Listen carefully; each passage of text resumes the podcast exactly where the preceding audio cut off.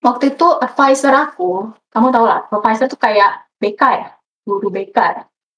Iya, dos dosen wali. Uh, iya, sejenis kayak gitulah. Uh, uh, guru BK aku, dosen wali.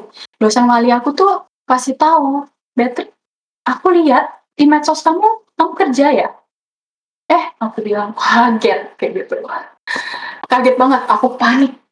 Duh, aku bilang tahuan ya, aku kerja. Karena kan aku nggak nggak dapetin uang gitu loh. Uh, karena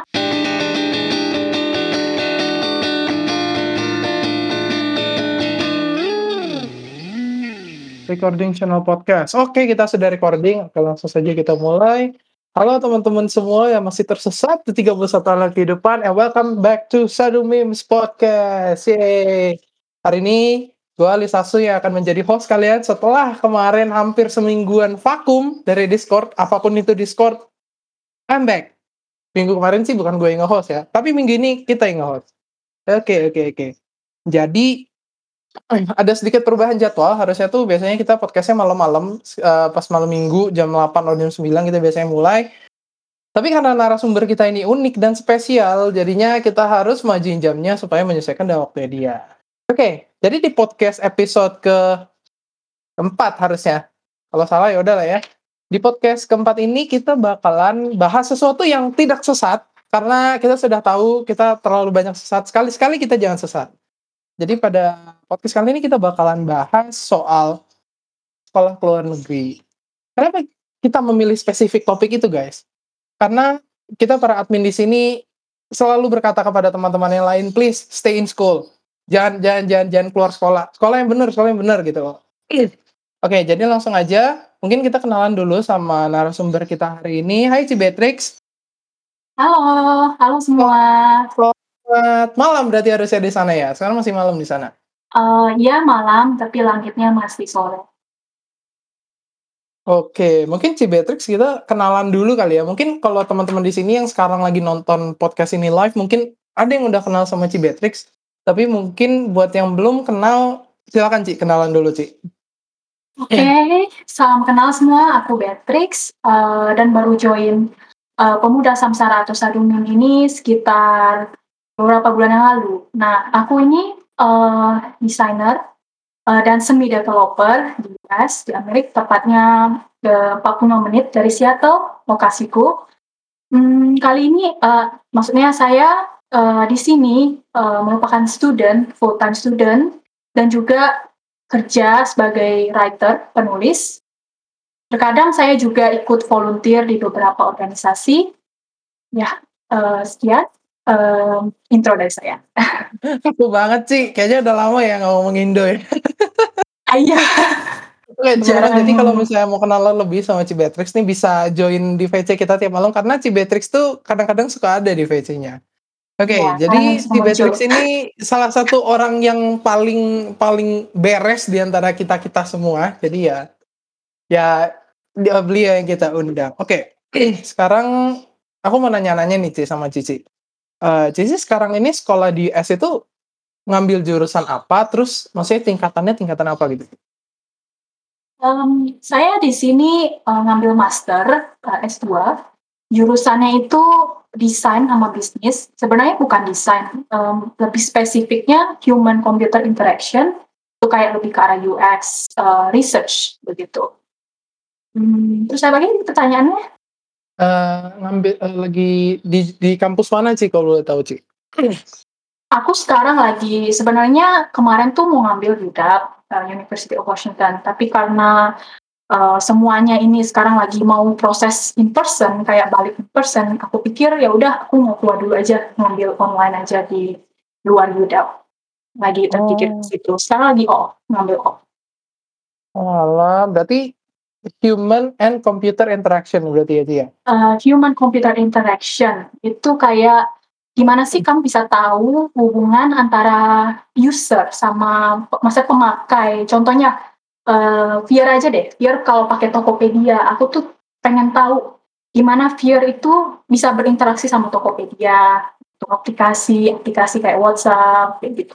Hmm. Lebih ke psikologi, research. Gitu. Oh gitu. Berarti buat kalian-kalian para wibu-wibu yang mendengarkan podcast ini boleh tanya dia, boleh Mmm. tanya cicinya karena karena kan wibu suka bilang gitu ya, "Aku pacarannya sama komputer," gitu, Ci. Mungkin bisa dibantu kali, Ci, ya?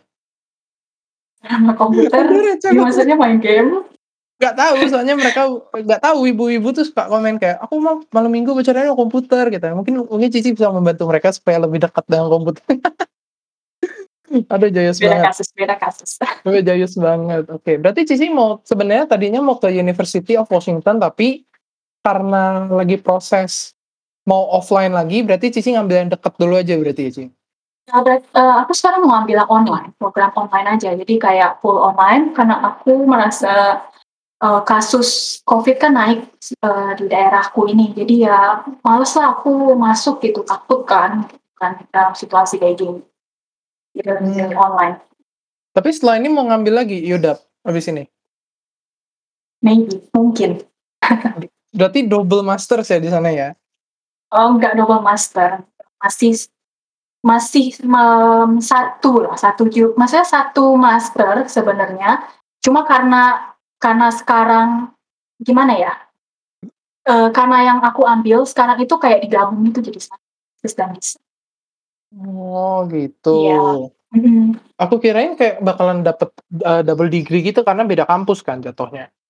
Iya, rencanaku begitu, cuman belum bisa ya sekarang, mungkin nantinya, ada kepikiran. Oke, Ci. Nah, aku mau nanya lagi nih, Ci. Terus gimana sih, Ci, Mhm. ceritanya bisa bisa sampai kuliah keluar tuh gimana sih? Ya nggak usah terlalu panjang lah gitu, in short aja lah gitu gitu. Sebenarnya aku sebelum pergi ke Amerika, aku udah pergi keluar, di umur aku 17 tahun. Eee, setelah aku lulus SMA, aku mutusin ke Jerman untuk ngambil medical, yang sebenarnya nggak sesuai sama jurusan aku sekarang atau kerjaan aku sekarang. Nah, pas di Jerman, itu aku karena cuma sebentar ya, kayak ngambil pre-college lah gitu, di sana ngomongnya. Eee, kayak cuma 8 bulan gitu aku di sana. Sudah itu, eee, ada problem lah gitu, jadi terpaksa harus pulang Indo, ngelanjutin di Indo, eee, ngambil kedokteran. Terus, nggak lama, kayak berapa tahun lah gitu, kan akhirnya aku mikir kan, mmm, "Nasibku gimana ya kalau jadi dokter ya ke depannya?" "Apa bagus masa depannya buat aku?" Kayak gitu. Terus ma malah, apa namanya, karena karena dapat beasiswa tawaran, aku sempet apply kan gitu ke US, kayak iseng-iseng aja lah aku coba apply ke US gitu, ke Amrik. Terus diterima. Ya udah, sa aku sempet dapat potongan lumayan sih $500 gitu loh per quarter, quarter tuh 3 bulan. Ya udah aku mutusin ke US, lanjutin, eee, degree aku di Amrik. Berarti S1-nya Cici itu pre-college, eee, di Jerman 8 bulan, habis itu balik ke Indo, lanjut di Indo, itu beres tapi? Apa langsung Langsung transfer, semua aku punya transkrip, aku transfer ke Amrik. Berarti S1-nya Cici itu gelarnya, eee, bachelors atau sarjana berarti? Bachelors itu sarjana. Enggak enggak, I mean kan gelarnya beda, maksudnya Indo sama luar kan beda ya? Iya, sarjana. gel gelar Indo apa gelar luar S1-nya? Gelar luar. Gelar luar, Bachelor of Mhm. Medical Science? Eee, Bachelors of Math, actually Math gitu, matematik, tapi Bachelor of Science sih lebih tepat. Medical school Mhm. tapi? Di yang transferannya itu? Transferannya aku ditanya waktu itu, "Mau ngambil medical school lagi nggak?" Ternyata di sini 7 tahun. Aku pikir, "Oh my God, nggak nggak kayaknya nggak bisa deh kalau 7 tahun." Sedangkan aku anak tunggal harus cepet kerja, dan udah aku akhirnya mutusin nat ngambil matematika, nggak sempet kepikiran mau ke desain, di awal cerita. Oh, Jadi bener-bener heeh? cerita aku nih agak panjang, jadi bener-bener kayak aku tuh transisi, transisinya jauh gitu. Yang orang-orang tuh pada bingung gitu, nggak nyangka, "Kok kamu dokter, sekarang kok kamu jadi itu, desainer?" Ya jujur aja aku juga awalnya bingung sama waktu pertama ngobrol sama Cici kan, Cici bilang kayak, "Aku pernah kuliah di Jerman," aku mikirnya, "Oh, mungkin S1-nya di Jerman, terus S2-nya pindah ke US," aku pikirnya gitu kan. Tapi ternyata ceritanya menarik ya. Berarti dari dari med school di Indonesia, di berarti kampus Indo ya, kampus Indo, transkripnya semua ditransfer ke jurusan matematika? Gitu? Iya, aku aku ngomong, aku mau ngambil matematika jadi aku ulang dari awal. Jadi kayak telat gitu selesainya. Tapi emang aku Astaga. tuh niat banget ya, saking niatnya tuh, mmm, aku nggak tahu kalau sistem di Indo SKS ya, aku nggak tahu berapa SKS lah itu. Aku ngambil 5 kelas, terus sekaligus tuh raup 5 gitu. Sebenarnya 5 orang-orang sekaligus? 5 s kok 5 kelas sekaligus itu, eee, total 25 kredit. 25 kredit dalam waktu 3 bulan. Aku Nih ya, buat bayangan aja ya mungkin teman-teman di sini yang sambil kuliah juga ya, soalnya aku lihat di sini teman-teman yang lagi nonton juga sambil kuliah. 25 jadi kayak kalian tuh ngambil 25 SKS yang biasanya dalam waktu 6 bulan, biasanya kan 1 semester di Indo tuh 6 bulan. Kalian ngambil Mmm. 25 SKS, tapi ini cuma 3 bulan, guys. Itu itu kelasnya kayak pagi sor pagi sampai sore pagi sampai sore gitu nggak sih, Ci? Mhm. Like tiap hari gitu kelasnya? Kelasnya hampir tiap hari dan aku masih kerja part-time sebagai social media manager, sekaligus writer. Karena waktu itu bener-bener, eee, aku pikirkan, "Oh ya aku mau raup pengalaman, aku mau dapetin uang," gitu kan. Karena emang waktu itu namanya kalian tahu lah kalau namanya murid-murid kayak kita dulu di kuliah gitu kan biasanya, oh kurang uang jajan gitu ya, aku pikir buat nambah-nambah uang jajan. Jadi nggak Oke. perhatiin orang tua. Tapi penghasilan part-time tuh cukup gak sih, Ci, kalau cuma buat jajan-jajan gitu di sana cukup gak? Cukup, lumayan sih bisa belanja, lumayan. Maksudnya bisa belanja 1 card gede. Oke oke. BTW Untuk temen-temen 2 BTW sorry, Ci, eee, Mhm. lupa tadi bilang, BTW teman-teman kalau misalnya mau interaksi, eee, boleh langsung aja di sini di podcast kan ada channel question-nya bisa langsung ngobrol-ngobrol di situ. Oke. 1 card gede itu dari hasil kerja sebulan atau Dari dari hasil kerja kira-kira 3 minggu sampai 4 minggu, ya sebulan. Sebulan. Oke, menarik nih ceritanya nih. Aku aku jujur aja nggak pernah denger sedetail ini karena, eee, kalau mungkin di VC Tiap Malam Cibetek tuh bilangnya cuma, "Oh ceritanya panjang." Aku dulu, eee, kuliah di Indo terus aku pindah ke sini. Aku taunya gitu doang. Kirain S1 beres di Indo, lanjut S2-nya di Jerman eh di sorry di US. Mhm. Iya cukup Oke. menarik sih. Ini lebih ke tran career transition kita. Dari pertama kedokteran, habis itu pindah ke Maths. Maths-nya yang applied mathematics atau yang apa, Ci? Aku sebenarnya mau ke arah data science. Oh. Dari dari kedokteran, terus ke data science, terus Iya. ke Terus, human eee interaction, human terus computer ke interaction. Terus ke sebenarnya ke des desainer ya akhirnya, the end. Setelah setelah aku aku dapet project itu kayak, oh ditawarin gitu, oh sama temen kan ditawarin pas kuliah, "Mau nggak kerja kerjaan UX?" Pas aku coba, interesting. Jadinya, oh aku pikir mau transisi lah ke sini. Berarti ke depannya, Ci, mau mau jadi desainer berarti ya? Lebih ke desainer daripada ke UI UX?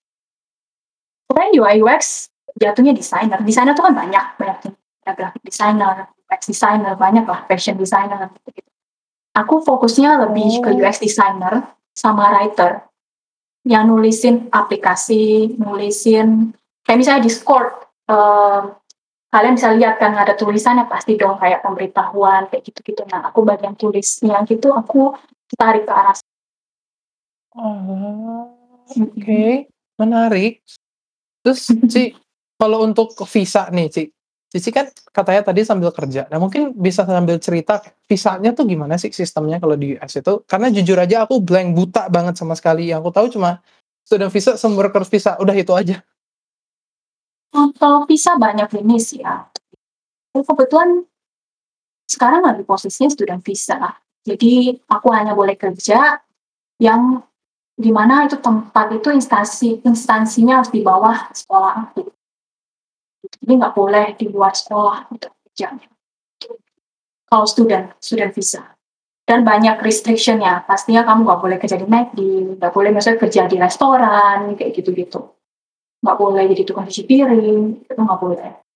Lebih ris lebih banyak restriction-nya dibanding negara lain, kalau untuk student visa.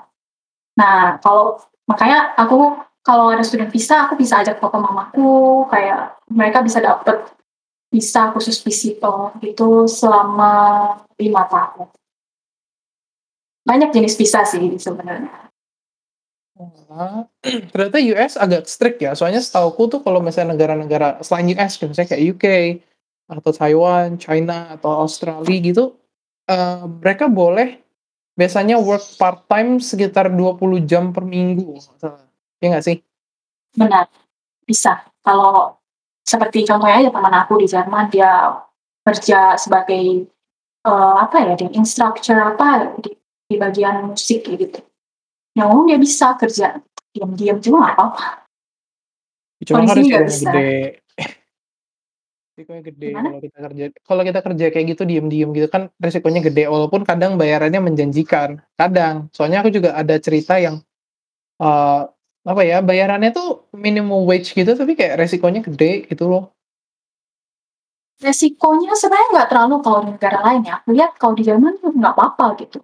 Yang di sini yang jadi masalah kalau sampai kamu ketahuan kerja di luar sekolah, nanti ada kayak pemerintah namanya, aku lupa ASI atau USCIS gitu. Orang pokoknya dari pemerintah gitu nanti dia datang, dia kayak sidak gitu loh. Kamu tahu nggak sidak tempat makan kayak gitu, "Hei, ini siapa aja yang kerja di sini." Kalau ketahuan, deportasi. Langsung tanpa babi bu pulang gitu? Ya, pulang.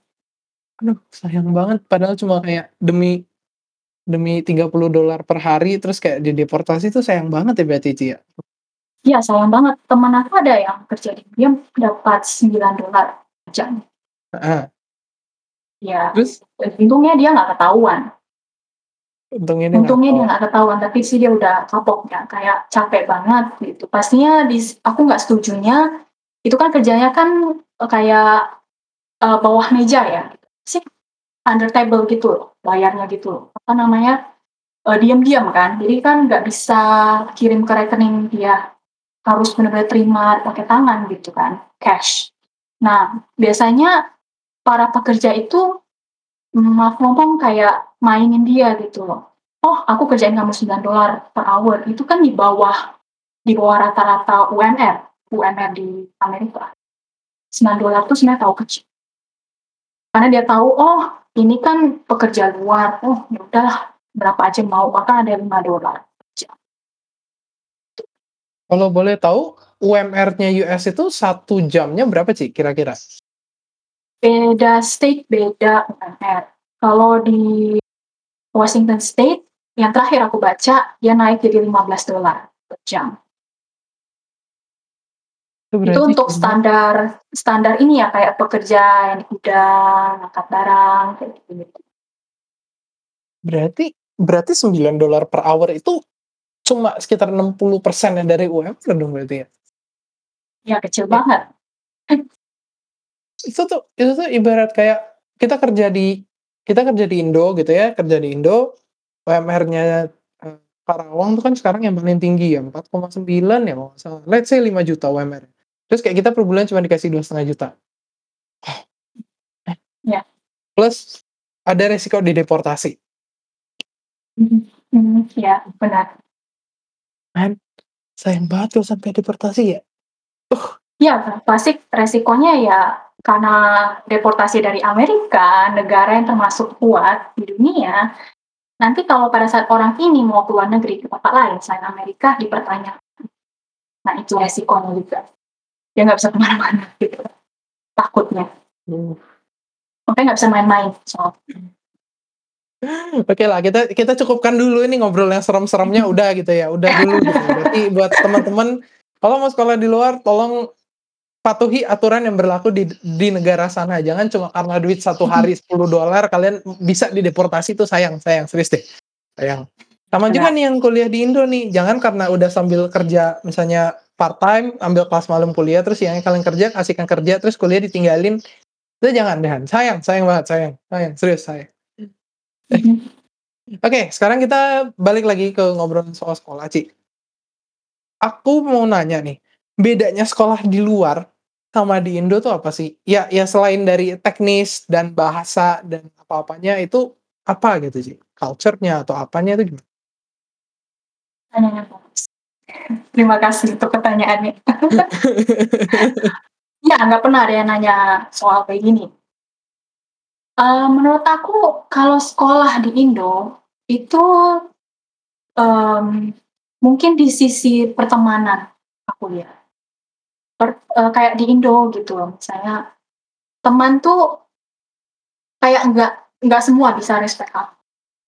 Kalau di Indo ya, aku lihat ya, eee, di posisi aku selama sekolah di Indo tuh kayak, ya udah individualisme gitu, sendiri-sendiri, kerjain kerjaan sendiri-sendiri, kayak gitu, kayak nggak mau ada kasih feedback ke temennya. Nah, sedangkan di sini itu ada kesempatan di classroom itu dikumpulin misalnya 3 orang dalam satu kelompok, "Oke, kalian kerja sama ya," gitu, harus saling kasih feedback bahkan gitu. Misalnya aku ada ide, nah dia tuh kasih feedback-nya nggak ngomong, "Itu jelek, ide kamu jelek," itu enggak, tapi, "Menurut saya ini begini." Jadi kayak nggak langsung to the point ngomong jelek gitu. Kan itu namanya me merendahkan ya bahasanya kayak gitu. Menurut aku dari sisi pergaulan sama maksudnya teman-temannya gitu, mereka cukup terbuka sama pendapat.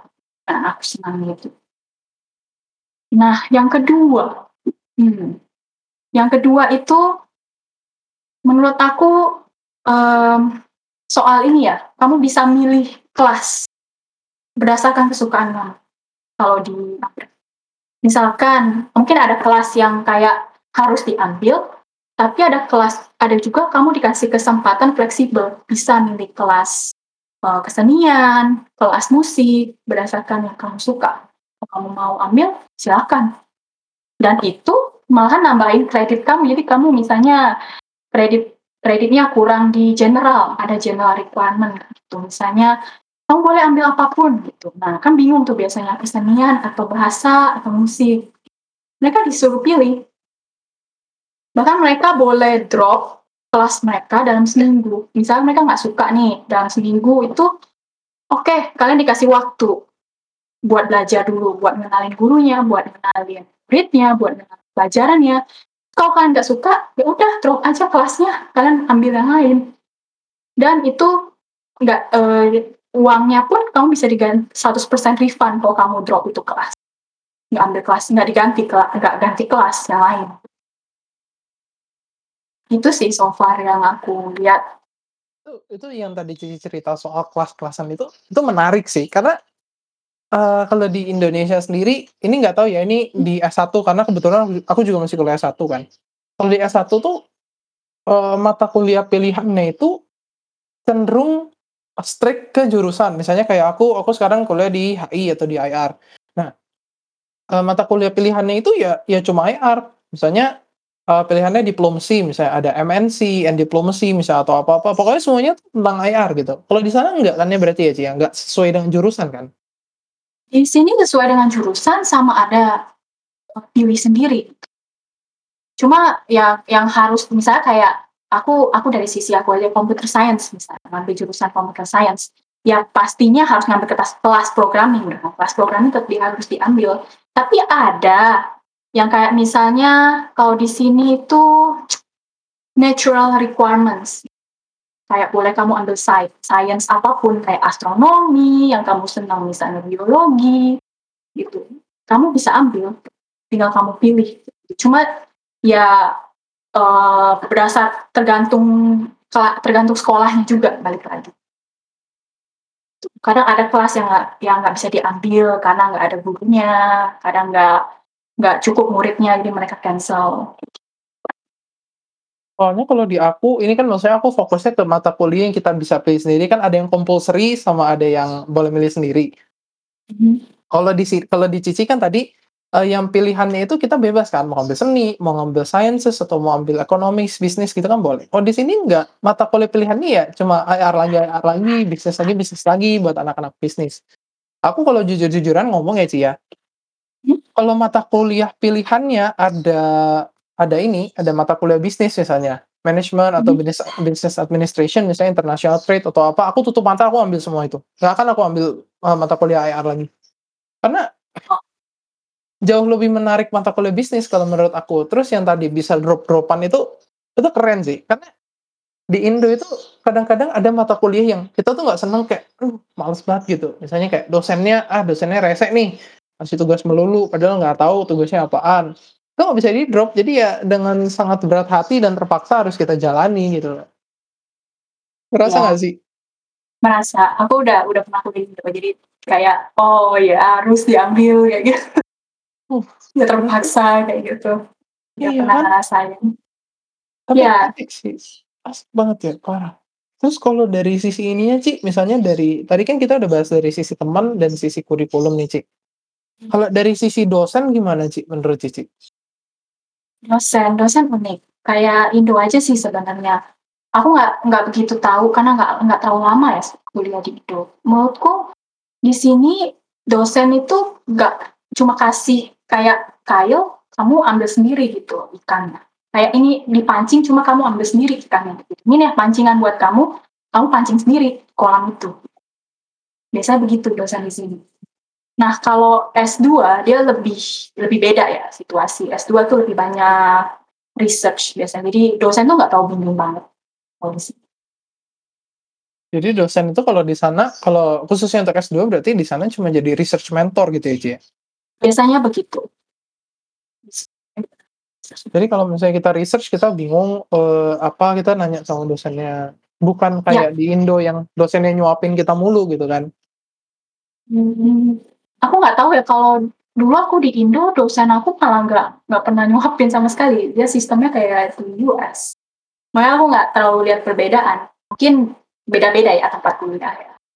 Soalnya kalau di aku gitu ya, maksudnya dosennya masuk kasih materi, ya udah terserah mau ambil apa enggak, pokoknya gue kasih final eee, mid exam, final exam, udah Mhm. terserah mau ngerjain apa enggak gitu loh, di sini kan gitu ya. Iya. Soalnya jujur-jujuran aja kalau di Indo itu, eee, bener-bener kurang banget yang namanya research, apa pun itu kurang, kurang banget. Misalnya kayak me teman-temanku di engineering misalnya, Mas Calvin tuh, mungkin Cici tahu lah dia si Calvin. E research-nya tuh, eee, ada gitu research-nya, tapi nggak terlalu ini, nggak terlalu apa ya, nggak yang kampus abis-abisan dukung dia gitu kalau yang aku lihat gitu loh. BTW aku nggak mau sebut nama kampus ya, yang yang udah tahu ya udah ya udah gitu. Jangan nyebut nama kampus lah, nggak enak. Kayak kemarin misalnya bikin research, eee, project mobil listrik kan biasa kalau engineering tiap-tiap kampus kan suka ada bikin gitu, mobil listrik lah atau apa gitu. Itu aku lihat nggak terlalu ini sih, nggak terlalu gimana banget didukungnya, didukung didukung, cuman nggak gimana banget. Malah, eee, anak-anak engineering-nya berprestasinya malah di ini, Ci, di entrepreneurship malah mereka. Bikin ide bisnis bagus, tembus ke nasional mereka malah. Mmm. Iya sih, keren. Ya itu keren, keren sih keren, tapi kurang banget lah research-nya di sini, mendorong murid-muridnya untuk research tuh kurang. Kalau aku lihat di US ya, nggak tahu benar apa enggak, eee, tolong dikoreksi. Dari kecil itu anak-anak udah diajarin kayak research, bikin ini research gitu nggak sih? Mmm, kalau aku sih kan gede di Indo ya, sekolah yang tahu aku di Indo pun menurut aku research kula kurang sih emang bener. Terus kayak disuapinin pas sekolah SD, SMP, SMA itu aku merasa, "Nih ada contekan buat kamu ujian." Nggak disuruh explore gitu loh, di situ. Bedanya di sini, ini ada lagi perbedaan baru terpikir. Bedanya kalau di sini, bisa ada pelajaran matematika ujian, atau kita mau ujian, kita boleh bawa bawa contekan 1 HPS itu. Kamu tulis formula, terserah kamu tulis apa gitu. Tapi, nggak apa-apa kamu nyontek itu formula, menurut dia, eee, rumus tidak boleh dihafal sebenarnya. Tapi konsep yang kamu harus ngerti. Menurut guruku, dia bilang.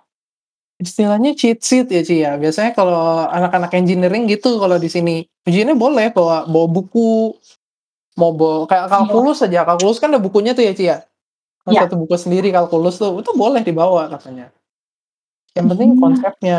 Nah ini juga yang salah dengan, eee, pendidikan di Indonesia, karena dulu dulu sebelum, eee, beberapa tahun belakangan, kalau di Indonesia itu kita kenal dengan soal-soal ujian low order thinking skills namanya LOTS, soal LOTS. Mungkin kalau Cici pernah denger ya LOTS sama HOTS itu.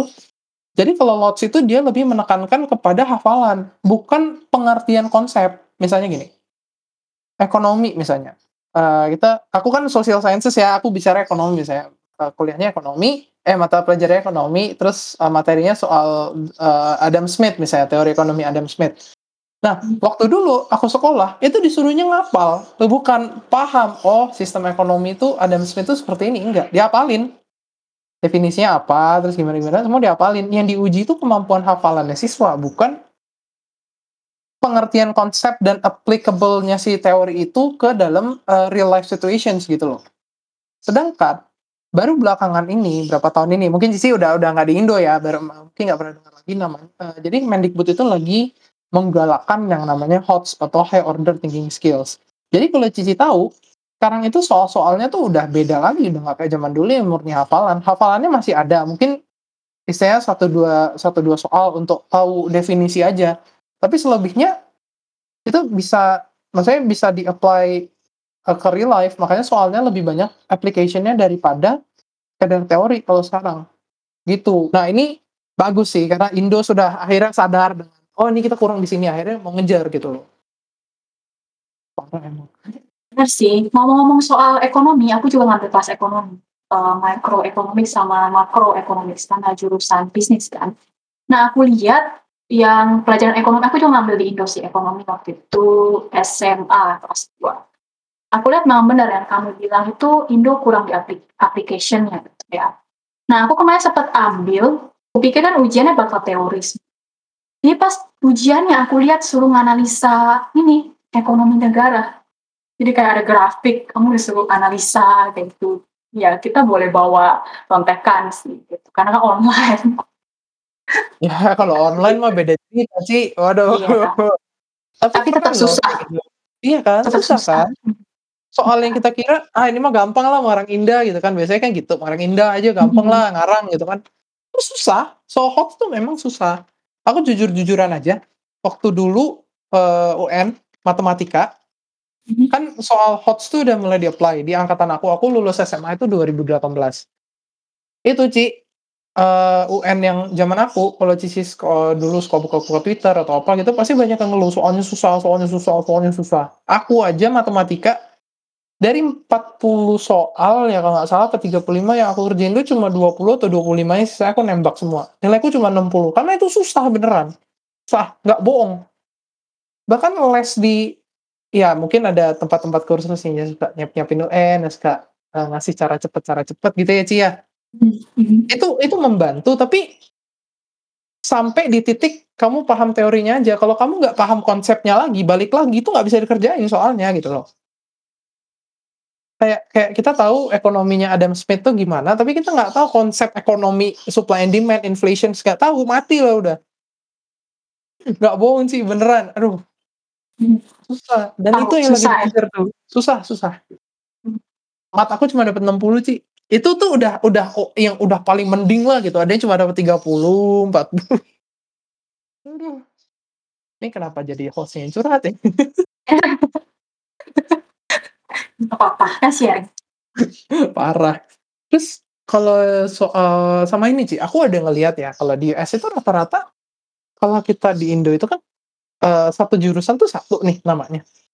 Saya uh, ekonomi bisnis di bawahnya kan ada business administration atau management atau accounting kan cuma ya satu gitu. Tapi kalau aku lihat di US itu kenapa bisa sampai dua gitu sih Cik satu satu mata kuliah eh satu jurusan misalnya kayak mathematics uh, applied mathematics and computer science gitu. Itu dua berarti dua hal yang berbeda dijadiin satu jurusan gimana? Itu kayak combine kalau misalnya applied mathematics jadi dia misal kayak computer science sama applied mathematics gitu dia ngambil matematika. Nah matematikanya itu yang dukung pelajaran computer science juga sebaliknya. Jadi kayak combine ya kombinasi. Tetap belajar dasar tapi memang lebih fokusnya ke applied mathematics nggak kayak matematika yang basic banget yang kayak algebra udah nggak lagi udah lewat gitu. Jadi dia applied mathematics tuh kayak kayak gimana ya? Applied kalkulus ada udah beda lagi itu udah kayak tingkat tinggi. Ya Wah, ya. kalau di Indo tuh mathematics ya matematik saja yang di FMIPA itu kan matematika hmm. murni ada matematika terapan. Ya udah hmm. dia cuma matematika aja tapi nggak ada computer science nya vice versa computer science-nya nggak ada matematikanya juga gitu loh. Namanya, nggak tahu kalau di dalamnya sih gimana aku nggak tahu. Ya sebenarnya sama aja tetap harus ngambil kalkulus gitu-gitu dan sebagainya. Cuma nanti ada lebih tinggi lagi applied kalkulus lah. Udah ngambil-ngambil model 3D gitu-gitu kan. Aku lihat ya belum eee, dari semua waktu itu sih aku ambil 3D kalkulus, itu termasuk 3D? yang sulit. 3D Iya, kalkulus? bener. Udah kayak kamu ngukurin bola. Bola yang yang yang dipenyetin lah, bentuknya aneh-aneh kayak gitu, itu nggak termasuk. Itu tuh bisa dihitung ya? Aku baru tahu. Bisa. Misalnya aku punya bola, aku kempesin terus aku aku aku pukulin gitu, itu bisa dihitung? Volumenya apa bisa? Bisa, kalau menurut matematika. Aku baru tahu aku baru tahu sumpah demi apa pun, aku baru tahu. Dan itu pun aku nggak dapet nggak dapet 4. Itunya GPA ya, eee, apa, IPK. Iya, GPA-nya nggak 4 ya? Nggak sampai 4. Berarti emang susah Iya. tuh course ya? Bener-bener susah ya? Susah karena waktu itu aku coba ujiannya aja, ujiannya padahal online kan, maksudnya bisa figure out sendiri, maksudnya bisa nyontek rumus, tetep aja dikasih waktu, itu aku coretan aku, 1 soal itu 3 halaman. Mmm. Wah, deg-degan, udah keringat dingin gitu-gitu, pokoknya seru sih sebenarnya. Karena gurunya bener-bener gurunya tuh bener-bener kayak, "Kalau kamu mau belajar, aku bakal bimbing kamu." Jadi semangat. Nah, ini ini kita ngomongin soal tadi kan Cici bilang soal kalau dosen dosen sama murid itu kan ada unsur attitude-nya. Nah, attitude-nya, eee, orang-orang US ya, eee, locals versus, eee, yang dari luar US, itu gimana sih, Ci, bedanya gitu? Kalau di Indo kan eee, murid-muridnya banyakan kalau yang biasanya sih lokal ya yang, eee, nggak nggak nggak semua sih, tapi ada yang males-malesan, misalnya nggak ngehargain pemberian orang tuanya karena udah bisa kuliah, ada yang males-malesan, tapi ada yang rajinnya setengah mampus gitu. Tapi kalau di sini kan lebih nyatu ya, nggak lihat asal daerah, nggak lihat mana-mana, pokoknya ada aja yang begitu. Kalau yang di US tuh gimana sih? Sama sih, hampir sama. Ya, sebenarnya kalau dilihat effort-nya itu kayak usahanya itu lebih ini ini nggak nggak bias ya, aku nggak bilang karena ini berdasarkan pengalaman, kebanyakan yang lebih semangat sekolah itu orang-orang yang luar, datang dari luar, kayak Cici datang dari luar ke US, karena emang tuition atau apa ya, uang sekolahnya emang mahal, jadi kayak bener-bener dihargain banget gitu. Sekolah bener-bener kalau ada kalau ada pertanyaan langsung tanya dosen. Mereka pun nanya, cuman kayak malu-malu, males ah gitu. Masuk sekolah pun ada beberapa yang malas. Tergantung sih, tergantung sekolahan. Kan dia kan dibagi 2 kan sebenarnya di Amerika ini ada college sama university. Nah, eee, college itu biasanya anaknya kayak gitu, mindset-nya, "Oh aku males-malesan aja, ini kan gampang." Bahkan ada yang ngerjain kayak SKS, sistem kebut semalam. Ini di sana college atau uni jatuhnya ambilnya? Aku sebenarnya bachelor-nya dari college. Kan college sekarang ada yang wajib. Cuma menurut aku, mau kamu college, mau kamu uni, kalau kamu udah ada skill, kamu udah ada pengalaman, it doesn't matter, kamu nggak masalah kamu mau kamu misalnya mau apply kerja, itu pasti dilihat itu, bukan dilihat college atau uni. Kalau di Amerika ya. Itu yang aku rasa gitu loh. Kalau selama ini aku, eee, apply jobs kayak gitu, apa namanya, eee, orang-orang tuh bukan nanya, "Kamu dari universitas mana? Kamu bisa apa? Skill apa yang kamu punya? Apa yang kamu bisa bawa ke company?" Mmm, iya sih, make sense sih kalau orang-orang yang dari luar tuh belajarnya lebih keras dan lebih giat. Nih ya, FYI aja kalau misalnya kalian secara personal kenal sama Cibetrix itu, kalau kalian lihat sosmednya, eee, itu tuh gue kalau pagi-pagi buka mata kan kadang habis habis morning routine suka ngecek sosmed kan, tuh ada aja yang dikerjain. Entah lagi coding lah, entah lagi desain lah, entah lagi apalah gitu loh. Karena gue menilai kalau Cibetrix nih memanfaatkan semua chance yang ada. Misalnya kayak ada volunteer dia ikut, ada intern dia ikut, ada ini dia ikut, semuanya diikutin gitu loh. Karena pasti mikirnya, "Ah sayang ah udah sampai US," nggak sih, Ci, ya? Ya dulu aku sebenarnya, eee, sebenarnya aku nggak boleh. Sebenarnya aku agak melanggar peraturan sedikit ya di sini ya, tapi, eee, mungkin kalian yang mau sekolah di luar, tolong jangan ikutin jejak aku yang kayak gini. Aku US terpaksa government is watching you, Ci. Sebenarnya bukan. Jadi gini, eee, waktu itu aku kayak kerja. Aku bilang, aku willing to take any job. Aku rela mau aku kerja tanpa pun tanpa dibayar nggak masalah, asal aku dapat pengalaman. Karena emang tujuan aku kan nggak apa-apa aku mundur dulu, kayak mundur selangkah untuk dapat 1000 kesempatan, gitu Wis. menurut aku. Prinsip aku begitu. Jadi, waktu itu advisor aku, kamu tahu lah, advisor tuh kayak BK ya, guru BK ya. Iya, dos dosen wali. Eee, iya, sejenis kayak gitulah. Apa, eee, guru BK aku, dosen wali.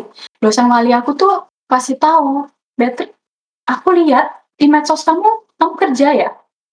Eh, aku bilang, kaget, kayak gitu. Kaget banget, aku panik. Duh, aku bilang, ketahuan nih aku kerja. Padahal kan aku nggak nggak nggak dapetin uang gitu loh. Eee, karena aku cerita lah gitu. Sebenarnya nih, aku nggak pernah cerita sama orang rasanya soal ini. Karena emang bener-bener struggle-nya aku bener-bener berat sih waktu itu. Karena belajar dari pengalaman, aku pernah hampir pulang dari negara US, gara-gara nggak dapet kerjaan. Mungkin aku pernah cerita di streaming sebelumnya ya, waktu kita IG live bareng, aku bilang aku rela mengambil kerjaan di guru lah, asisten guru lah, Oh, padahal nggak iya. ada pengalaman. Itu sebenarnya terpaksa, karena emang aku nggak ada harapan lagi, gitu. Kayak sekitar 2 minggu sebelumnya, kayak vonis gitu, "Kamu pulang atau dapat job.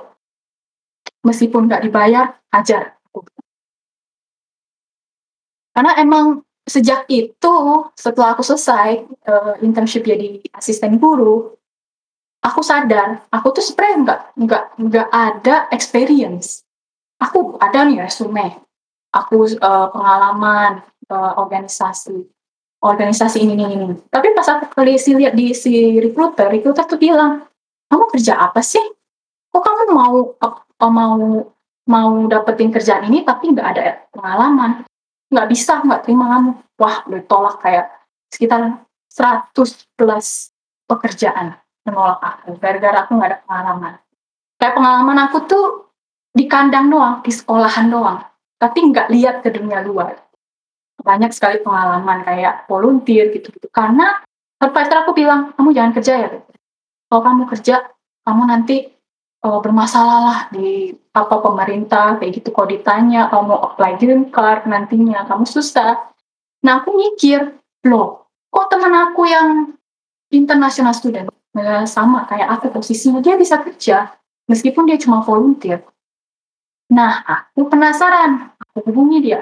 Dia sebenarnya orang pertama yang inspirasi aku, akhirnya aku ngambil banyak kesempatan. Jadi bener-bener sebenarnya terima kasih banget sama satu orang ini. Aku tanya sama dia, "Kok kamu bisa sih kerja di posisi kamu international student?" "Ya diam-diam aja," kata dia, "nggak dibayar." Okelah, sejak itu aku kayak setiap ada kesempatan aku ambil, kayak gitu-gitu. Sampai, eee, sempet kecapean, kayak gitu. Ya jangan ditiru maksudnya kalau sampai kebanyakan gitu juga nggak nggak boleh gitu, nggak bagus buat kesehatan. Ya begitu ceritanya. Panjang ini ya jadinya. Nggak apa-apa, Ci, slow aja. Berarti kalau volunteer jatuhnya boleh dong, karena Anda tidak dibayar gitu? Kalau menurut advisor aku, itu gray area. Gray area itu kayak ambigu, bingung, mau boleh atau enggak. Sebenarnya kalau teman aku kan tanya terus sama teman-teman aku yang lain yang juga sesama pejuang di Amrik. Tapi mereka nggak nggak seberat aku perjuangannya gitu. Karena ya mereka maaf ngomong orang tuanya kaya, mau bisa biayain semua, bisa masuk universitas bagus kayak gitu. Nah, jadi aku tanya, "Gimana?" "Ya udah," aku bilang, eee, "aku coba aja gitu kalau misalnya dia kasih kesempatan ke aku, boleh nih ada volunteer bareng 3 bulan yuk, eee, bikin aplikasi." Aplikasi, ya yang bisa me apa namanya, mencegah, eee, global warming. Ya udah aku coba ambil, meskipun aku sebenarnya nggak tahu patah kayak gitu, buta gitu. Kayak kayak kamu tuh mau mau kerja cuma nggak ada pengalaman, ya udah aku ambil aja nah nggak dibayar juga. Jadi dari situlah mulai pengalaman mulai banyak tuh penawaran lah, apa volunteer macam-macam, banyak, penuh langsung di sekolah. Kayak koneksi. Luar biasa. Luar biasa Iya. nih menjadi tamparan keras untuk kita-kita semua yang kuliah S1 dibiayai orang tua ya. Masih Iya. mageran, masih rebahan tuh ditampar loh sama si Beatrix, plak, eee, langsung nih muka bolak-balik 2 kali udah ditampar. Dia aja yang kuliah keluar nggak punya siapa-siapa, tuh mau gitu loh. Di sini kebanyakan mikir ya, "Aduh males ah, aduh malu ah," karena si Beatrix di sana nggak punya backup plan kan istilahnya. Ya mau nggak mau gue harus kerjain daripada gue balik gitu kan, udah tanggung nih, udah basah sekalian nyebur aja gitu. Ya nggak sih? Iya sebenarnya kemarin tuh yang internship itu, aku cuma dikasih 90 hari buat daftar kerja. 90 hari susah loh. Di Amrik itu susah meskipun kamu udah dapet degree, master, mau degree apa, S3, kamu apply kerja kalau kamu nggak bisa nunjukin kemampuan kamu, udah kamu tersingkirkan gitu, meskipun kamu tinggi gitu, kamu punya pendidikan. Di situ, jadi makanya aku mikir, ya udah aku ambil aja gitu, karena, eee, ya asisten guru tuh nggak nyangka gitu, pekerjaan yang bukan aku mau, aku bukan nggak cocok jadi guru gitu, menurut aku gitu loh. Nah sampai aku coba, wah susah karena aku ngambil 2 job sekaligus waktu itu. Terpaksa dong karena dia ngomong, "Nggak ada yang cover ini," ya udah, ya demi demi itulah, demi mempertahankan status supaya di sini, stay di sini, plus aku mau lanjutin S2 habis selesai internship, gitu rencanaku. Makanya itu aku nggak boleh balik dulu gitu, bilangnya sama mentor aku, sampai aku nangis, cerita. Nangis beneran, dia sampai, wah aku aku ada kesempatan, langsung aku tuh kayak seneng, mataku langsung kayak ter terharu gitu, nangis terharu kayak gitu. Dia kayak nyelamatin aku banget, mentor aku ini. Ya gitulah. Gimana ya? Apa perjalanan yang panjang, sampai masuk jadi asisten guru. Ini boleh cerita nih, lebih lanjut? Ya silakan, Gimana? nggak apa-apa, slow-slow aja, santai-santai. Sisinya ada kalau Jadi ada waktu silakan. Jadi sampai aku jadi asisten guru, eee, ini ngajarin, eee, orang-orang yang kayak imigran ya, imigran gitu dia datang ke Amrik, itu kan imigran lebih. Aku merasa pas aku masuk jadi asisten guru, di-hire itu, aku merasa aku beruntung. Gitu. Ah, mereka aja aku kan sampai nangis loh lihat mereka gitu loh, kayak mereka semangat banget belajar. Padahal mereka udah umurnya udah di atas aku jauh gitu.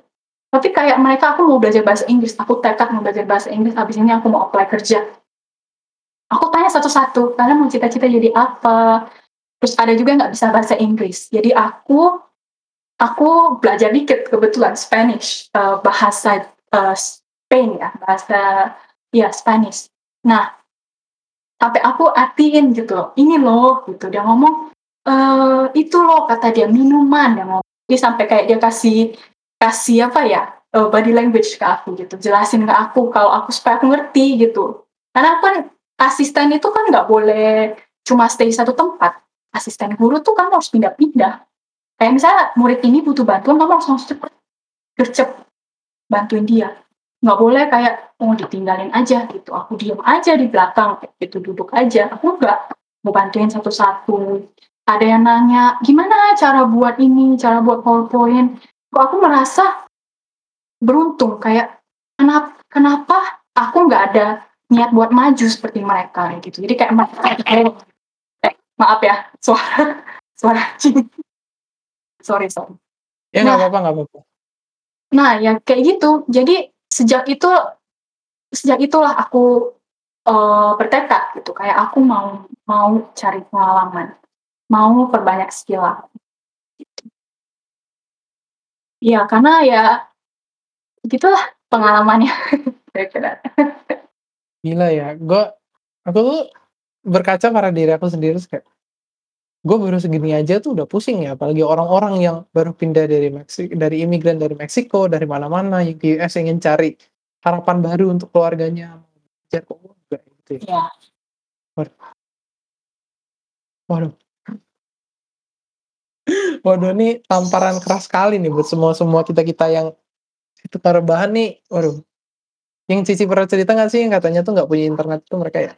Bukan sih? Iya, mereka benar, nggak ada internet. Mereka sampai rela datang kayak sekitar kayak gimana ya, kayak dari kayak dari misalnya mereka tinggalnya jauh, itu kayak sejam aja mereka rela, eee, bawa mobil buat demi ke library, dapat akses internet, gitu.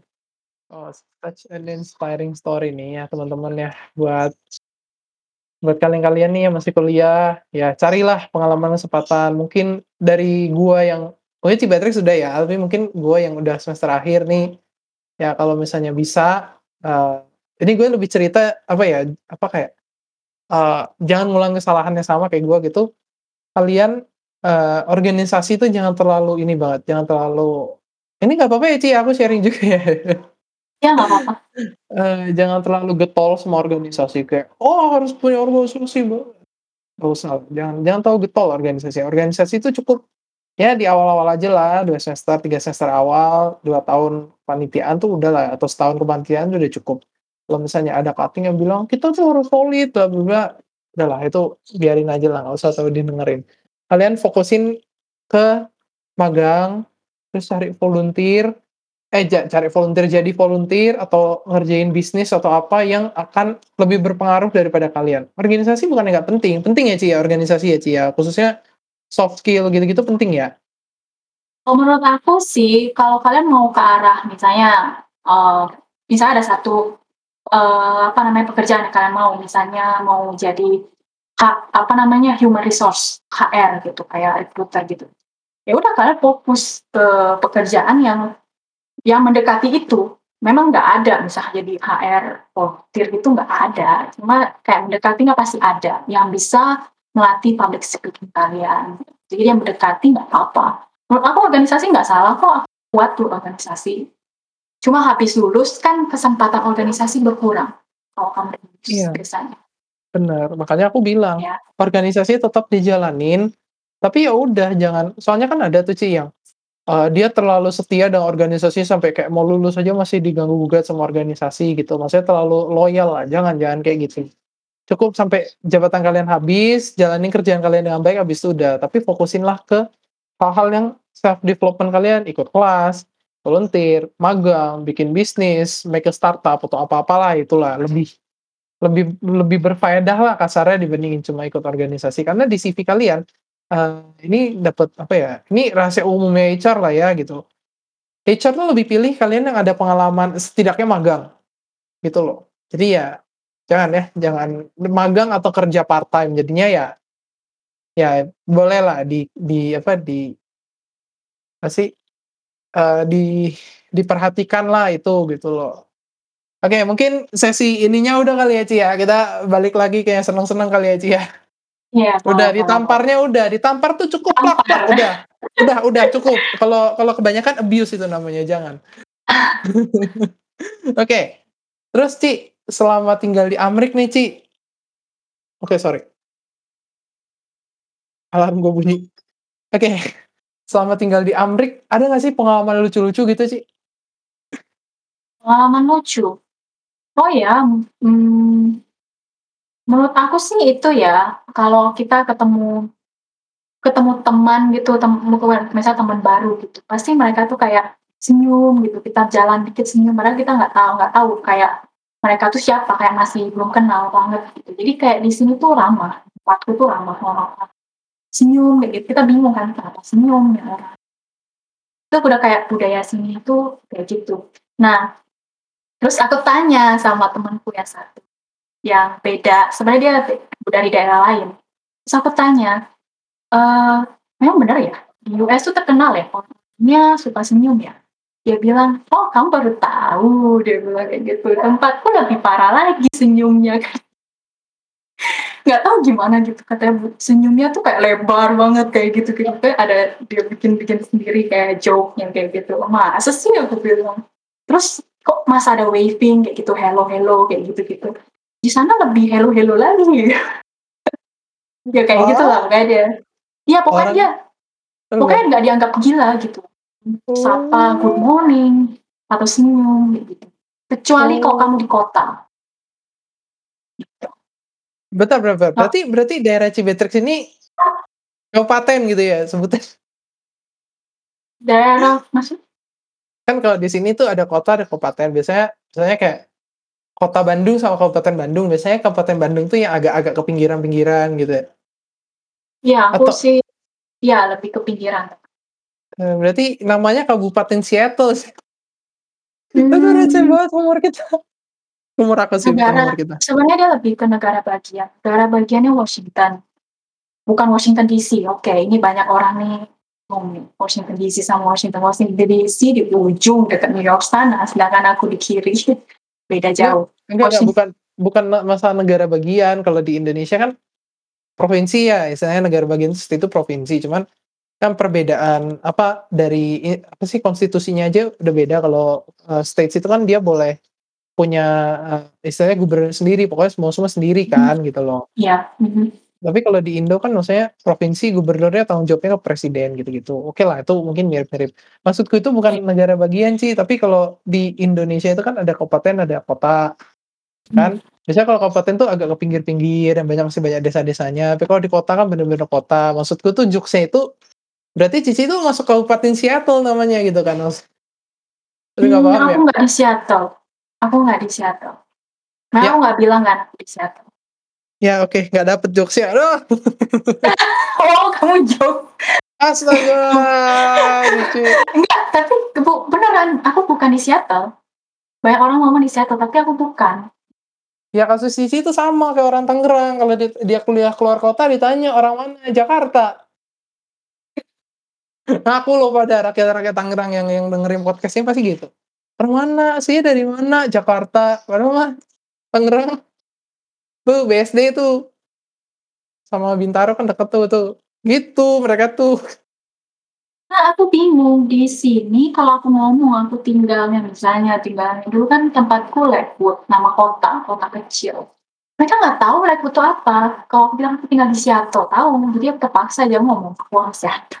Tuh Karena kan. mereka iya, kayak gitu, sama. Mirip-mirip. Tapi sekarang udah udah pindah, jadi orang lebih tahu karena emang ibu kota negara bagian sih tempat aku tinggal.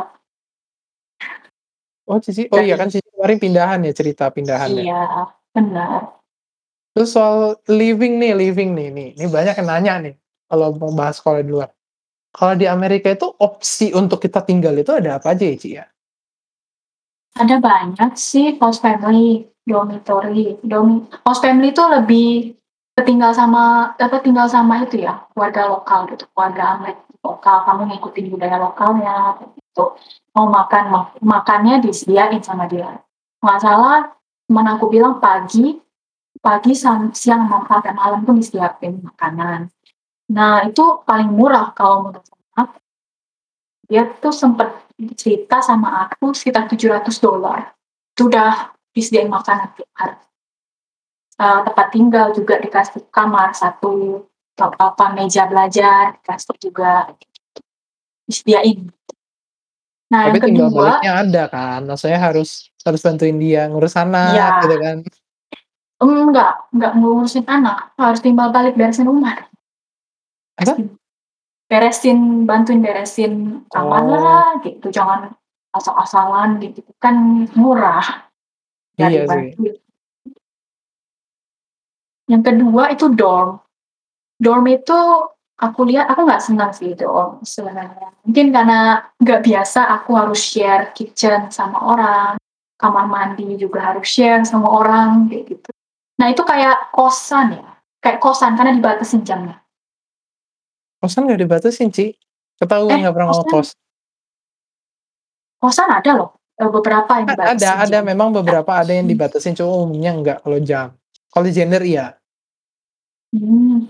Oh ini enggak, gender boleh nyampur, cewek cowok boleh gitu, cuman beda kamar. Nah, itu sama sih, hampir sama harganya sama host family. Nah, ada resepsionis gitu, kalau masuk biasanya disapa sama dia, terus kamu harus bawa kartu kalau nggak salah, supaya bisa masuk. Nggak sembarang orang juga bisa masuk gitu.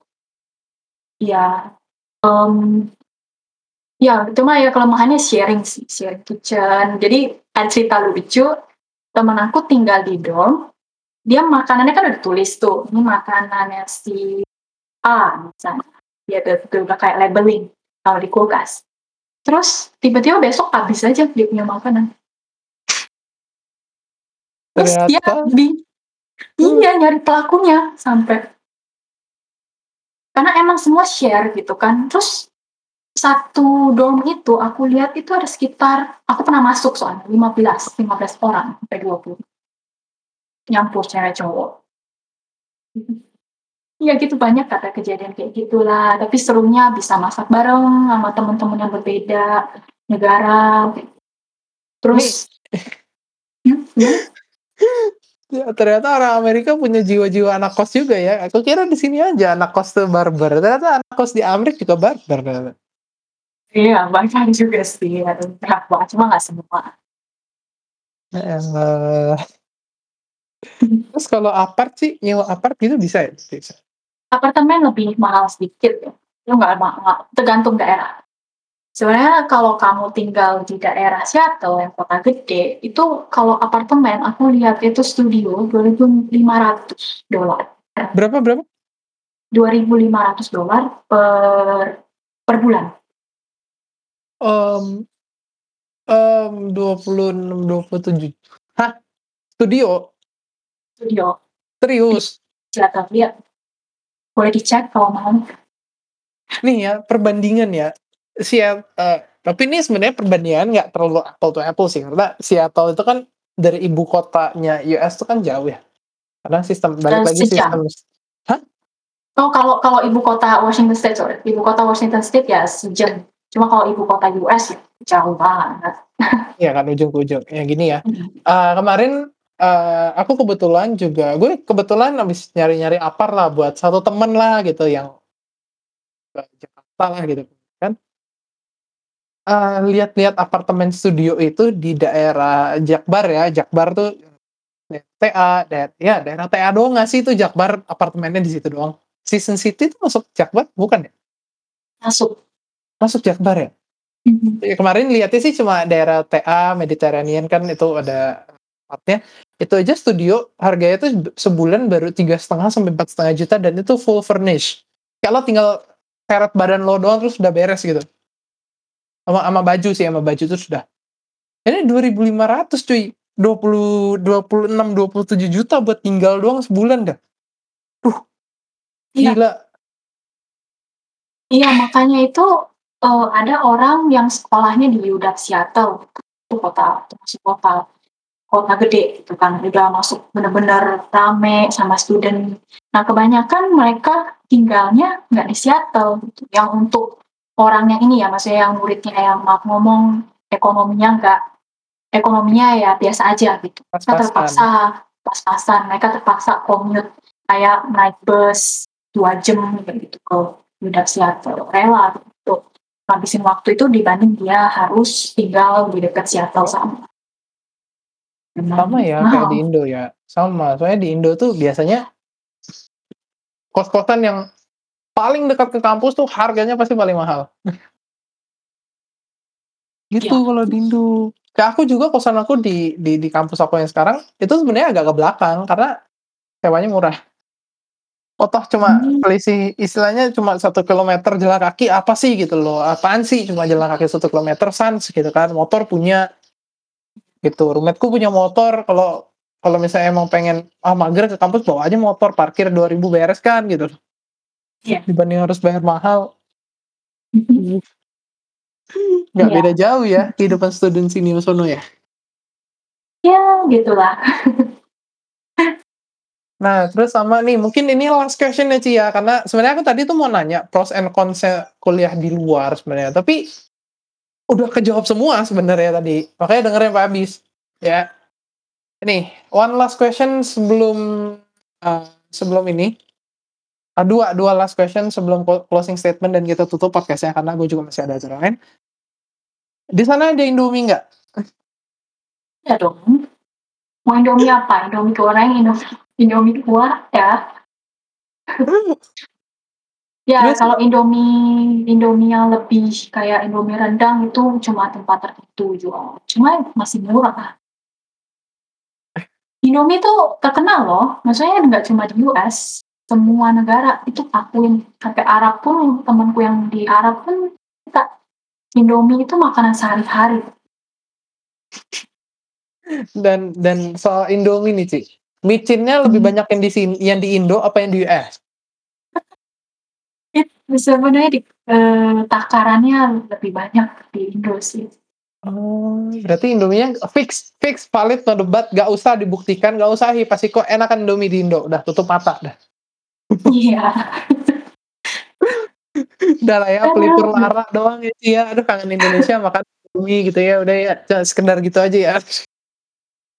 Iya, Bos terus banyak juga sih yang nanya sama aku sih, KF KFC KFC di Amerika sama di Indo enakan mana? Ya udah nggak usah ditanya, aku bilang, "Udah makan di Indo aja puasin," aku bilang. Iyalah, KFC sana nggak ada nasinya cuy, yaelah. Bukan nggak ada nasi, nggak masalah nggak ada nasi, aku bisa ganti pakai kentang, yang masalahnya nggak ada rasa. Kalau kamu nggak pakai saus. Oh, iya ya, micinnya Iya. kurang berarti itu Amerika tuh sangat peduli dengan kesehatan rakyatnya, sampai-sampai KFC yang makanan, wah gitu aja sampai dikurangin. Amerika belajar sama Indonesia. Yes, government, if you are listening to this, you need to learn from us, Indonesians. Oh, kita makan Indomie, makan KFC aja, orang sampai umur 80 masih hidup, Ci. Ada cerita lucu sih kalau ngomong-ngomong soal micin ya. Jadi aku aku kan ada kayak dosen dosen kesayangan aku lah gitu, kayak karena dia bener-bener baik banget sama aku, kayak dosen sosiologi gitu.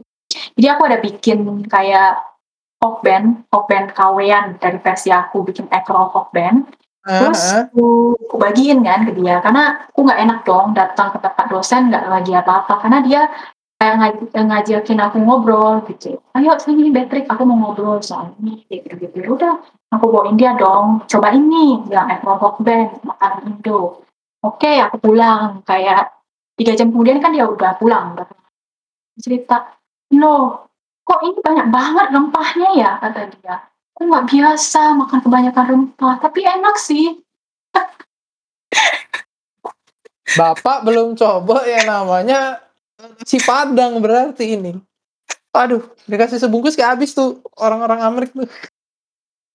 Iya, menurut dia aneh, kebanyakan rempah kata dia. Oh, Bapak Bapak, yaelah. Sama ini, ini last question nih ya sebelum kita tutup ya podcast-nya. Mhm. Mmm, tips dan trik Cici supaya bisa keluar mungkin mungkin mau sharing lah sama yang dengerin podcast ini biar gak sesat-sesat amat lah gitu. Dan trik, pastinya harus pelajarin culture-nya negara lain ya, kalau misal nggak cuma US ya, kalau mau pergi ke Jerman, mau pergi ke China, harus dipelajarin dulu culture mereka gimana. Terus kalau bisa cari teman yang udah ngalamin. Jadi bisa tanya-tanya lah gimana prosesnya. Terus yang pastinya research, do more research. Kayak misalnya gimana caranya apply visa, apply paspor, itu harus mulai bisa mandiri kalau memang mau sekolah di. Nggak bisa kamu andelin misalnya ngandelin a agensi lah, oke lah ngandelin agensi, tapi kamu pasti keluarin duit lebih banyak. Gitu. Research, udah research. Ya biasanya gitu sih. Mmm, pastinya siapin mental, ya budget juga sih, dan juga kalau memang kan dia banyak pilihan tuh, kamu bisa ambil beasiswa dari Indo, cuman kalau kamu ambil beasiswa dari Indo, kamu harus kerja di Indo, gitu. Jadi banyak resikonya lah kalau kamu self-paid, kayak kamu bayar sendiri, ya kamu nggak nggak nggak masalah kalau kamu nggak pulang ke Indo dalam waktu tertentu, kayak gitu nggak masalah.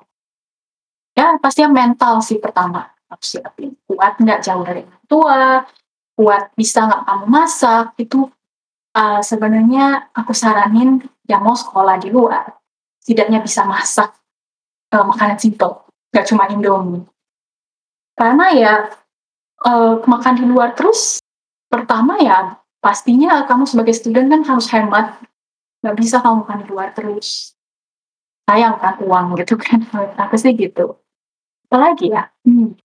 Karena di sana tidak ada warteg ya kawan-kawan, jadi jadi jangan harap keluar kampus belok kiri itu ada warteg, nggak ada nggak ada di sono, nggak ada. Yang kayak lu cuma bawa duit goceng makan kenyang, nggak ada ada. Oh. Yang pastinya bahasa sih ya. Bahasa juga penting gitu, jadi jangan sampai zero banget gitu, nggak bisa ngomong, "Hello, how are you?" gitu. Kan ada juga sih teman aku yang datang ke ke Amrik sama sekali nggak bisa ngomong kayak gitu. Jadinya maaf ngomong jadi beban di sekolah. Karena bener-bener dia nggak nggak mau belajar, cuma maunya bergaul sama kalangan dia aja, misalnya orang Jepang, kalangan orang Jepang aja. Sebaiknya ya enggak, kamu harus bisa berbaur. Ya, setidaknya setidaknya kalau bahasa itu kan, apa ya, kalau makin dipakai kan makin bisa gitu ya. Setidaknya tuh datang ke sana tuh bisalah kalau sekedar ke belanja atau misalnya beli makan atau ke dokter gitu tuh bisalah. Itu dulu nggak sih, Ci, yang paling penting, Ci? Iya, paling penting ya itu sih.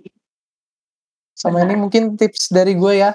Ya ini sebenarnya mau, eee, ke luar negeri ataupun di dalam negeri merantau gitu, kalau kalian udah sampai tempat itu, ya misalnya udah udah bersih-bersih gitulah, udah kenal sama tetangga gitu, cari itu, eee, hal-hal yang paling penting misalnya kayak dokter, apotik, terus, eee, rumah sakit, di mana di mana, karena itu penting loh, penting, beneran penting. Kalau kalian nggak tahu terus kalian sakit udah lah Iya, jadi Hati-hati. maksud mungkin bisa ditambahin dari Vier harus tahu lingkungan Mhm. kita, jangan cuma mandek aja di rumah nggak tahu apa-apa.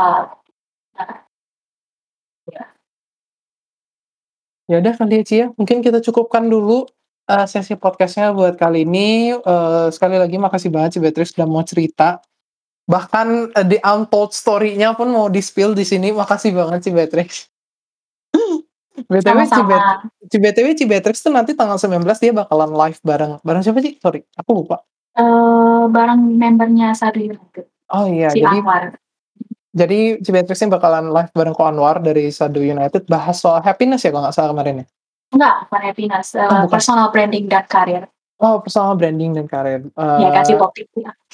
Ya, nanti nanti langsung pantengin aja ya IG-nya bentar, ini IG-nya Sadu United yang Sadunya atau personalnya si Ko Oh Anwar? personal Oh personal, personal, khusus. ya. Jangan lupa aja dipantengin ya teman-teman. Ya mungkin segitu aja podcast kali ini, semoga yang kali ini beneran bermanfaat, karena kalau misalnya enggak, gue balik sesuatu lagi besok. Oke, makasih buat semuanya yang udah dengerin, makasih juga buat Ci Beatrice. So, bye-bye guys and have a nice day. Bye, Bye. makasih ya.